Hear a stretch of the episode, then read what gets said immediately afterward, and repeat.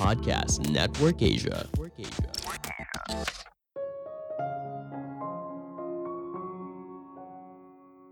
Orang yang narsis ternyata punya potensi untuk naik jabatan lebih cepat daripada orang lain. Halo semuanya, nama saya Michael. Selamat datang di channel saya, Sikutu Buku. Kali ini saya akan bahas soal karyawan yang narsis di tempat kerja. Pasti di tempat kerja kamu atau jangan-jangan diri kamu sendiri, kamu pasti menemukan orang yang narsis, yang sangat percaya diri atas kemampuan dirinya. Biasanya, perusahaan melihat sifat narsis ini sebagai karakter yang baik, di mana seorang karyawan terlihat percaya diri dan mampu mengerjakan pekerjaan dengan baik. Karyawan yang narsis juga punya kemungkinan yang lebih besar untuk naik jabatan, bahkan hingga ke level pimpinan puncak. Namun di sisi lain, karyawan yang narsis cenderung sulit menerima masukan orang lain dan merusak cara kerja yang sudah ada. Pertanyaannya lalu seperti ini, apakah menjadi orang narsis itu bagus di tempat kerja atau tidak? Sebelum kita mulai, buat kalian yang mau support channel ini agar terus berkarya, caranya gampang banget. Kalian cukup klik subscribe dan nyalakan loncengnya. Dukungan kalian membantu banget supaya kita bisa rutin posting dan bersama-sama belajar di channel ini. Buat yang belum tahu, narsistik sendiri berasal dari mitos Yunani kuno tentang seorang anak dari dewa sungai bernama Narsisius. Dia diramal kalau usianya akan panjang apabila dia tidak pernah melihat refleksi dirinya sendiri. Ketampanan Narsisius begitu mempesona hingga banyak wanita berusaha mendapatkan cintanya. Namun semua wanita itu ditolak, hingga ada satu wanita yang patah hati lalu meninggal dunia. Dewi pembalas dendam mendengar kisah wanita malang tersebut dan memutuskan untuk menghukum Narsisius. Suatu hari, Narsisius melihat bayangannya sendiri di danau dan terkesima pada keindahan dari refleksinya. Lama-kelamaan, dia semakin jatuh cinta dengan bayangannya sendiri hingga meninggal dunia. Pertanyaannya, apa itu narsistik? Narsistik adalah kondisi gangguan kepribadian di mana seorang akan menganggap dirinya sangat penting dan harus dikagumi. Pengidap kepribadian narsistik cenderung merasa dirinya memiliki pencapaian yang luar biasa dan lebih baik daripada orang lain. Padahal mungkin saja pencapaian yang dimiliki itu biasa aja. Pengidap narsistik juga biasanya memiliki tingkat empati yang rendah kepada orang lain dan menganggap dirinya memiliki kepentingan yang lebih tinggi dari orang lain. Selain itu, pengidap gangguan kepribadian narsistik memiliki perasaan yang mudah tersinggung dan bisa dengan mudah merasakan depresi ketika mereka dikritik oleh orang lain, meskipun mereka memiliki tingkat kepercayaan diri yang tinggi. Mereka mungkin merasa tidak bahagia dan kecewa ketika orang lain tidak memberikan perlakuan spesial atau penghargaan yang mereka yakini pantas mereka dapatkan. Meskipun kita cenderung menggunakan istilah narsis secara bebas, tapi perlu diketahui kalau tidak semua orang yang percaya diri itu narsis. Sangat mungkin untuk memberikan penghargaan yang tinggi pada diri sendiri tanpa perlu merasa lebih unggul daripada orang di sekitar. Faktanya, sikap ini justru malah cukup sehat ketika kamu bersikap baik pada dirimu sendiri. Jika kamu ditanya, Seberapa bagus kamu dalam mengendarai mobil? Seberapa bagus kamu dalam bekerja di sebuah tim? Seberapa bagus kemampuanmu dalam memberikan solusi dari sebuah masalah? 90% dari kita menjawab kalau diri kita berada di atas rata-rata.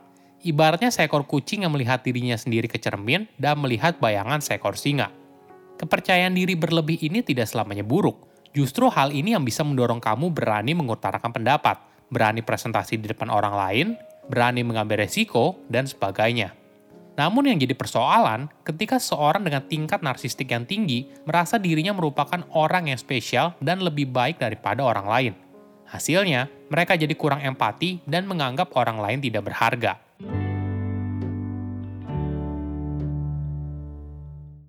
Ada sebuah studi yang menarik soal narsistik dan peluang karir.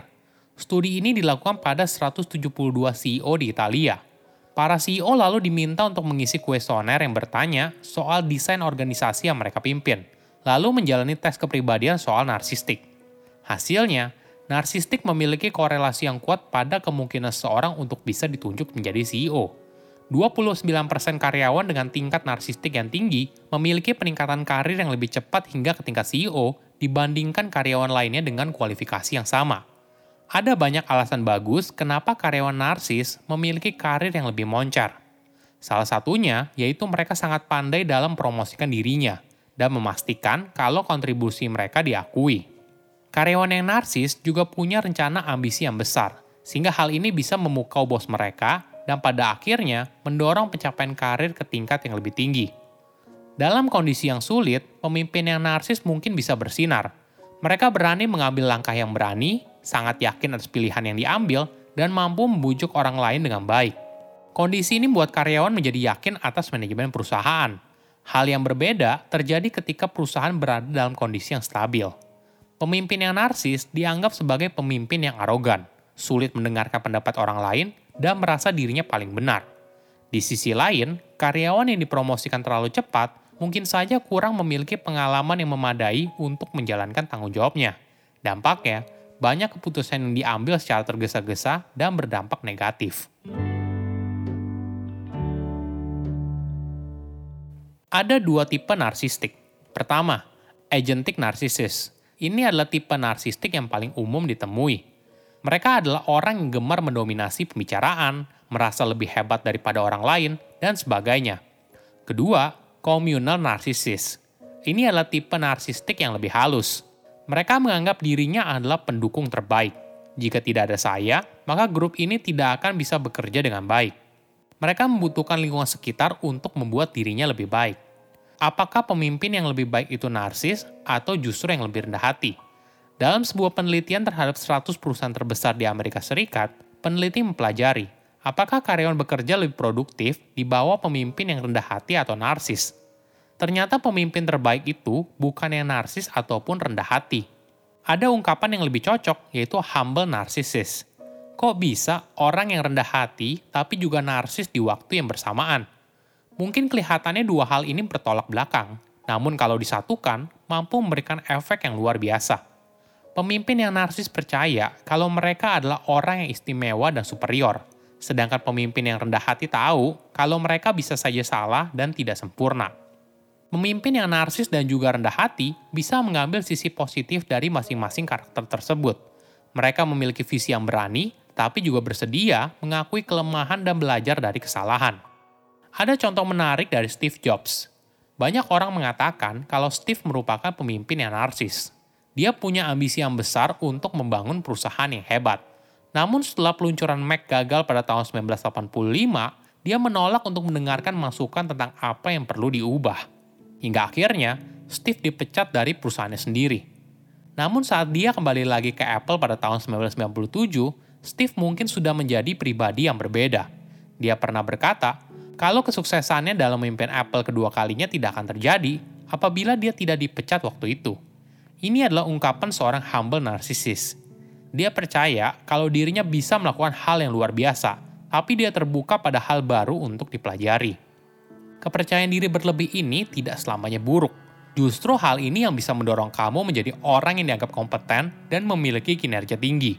Namun jangan sampai menganggap diri sendiri lebih hebat daripada orang lain.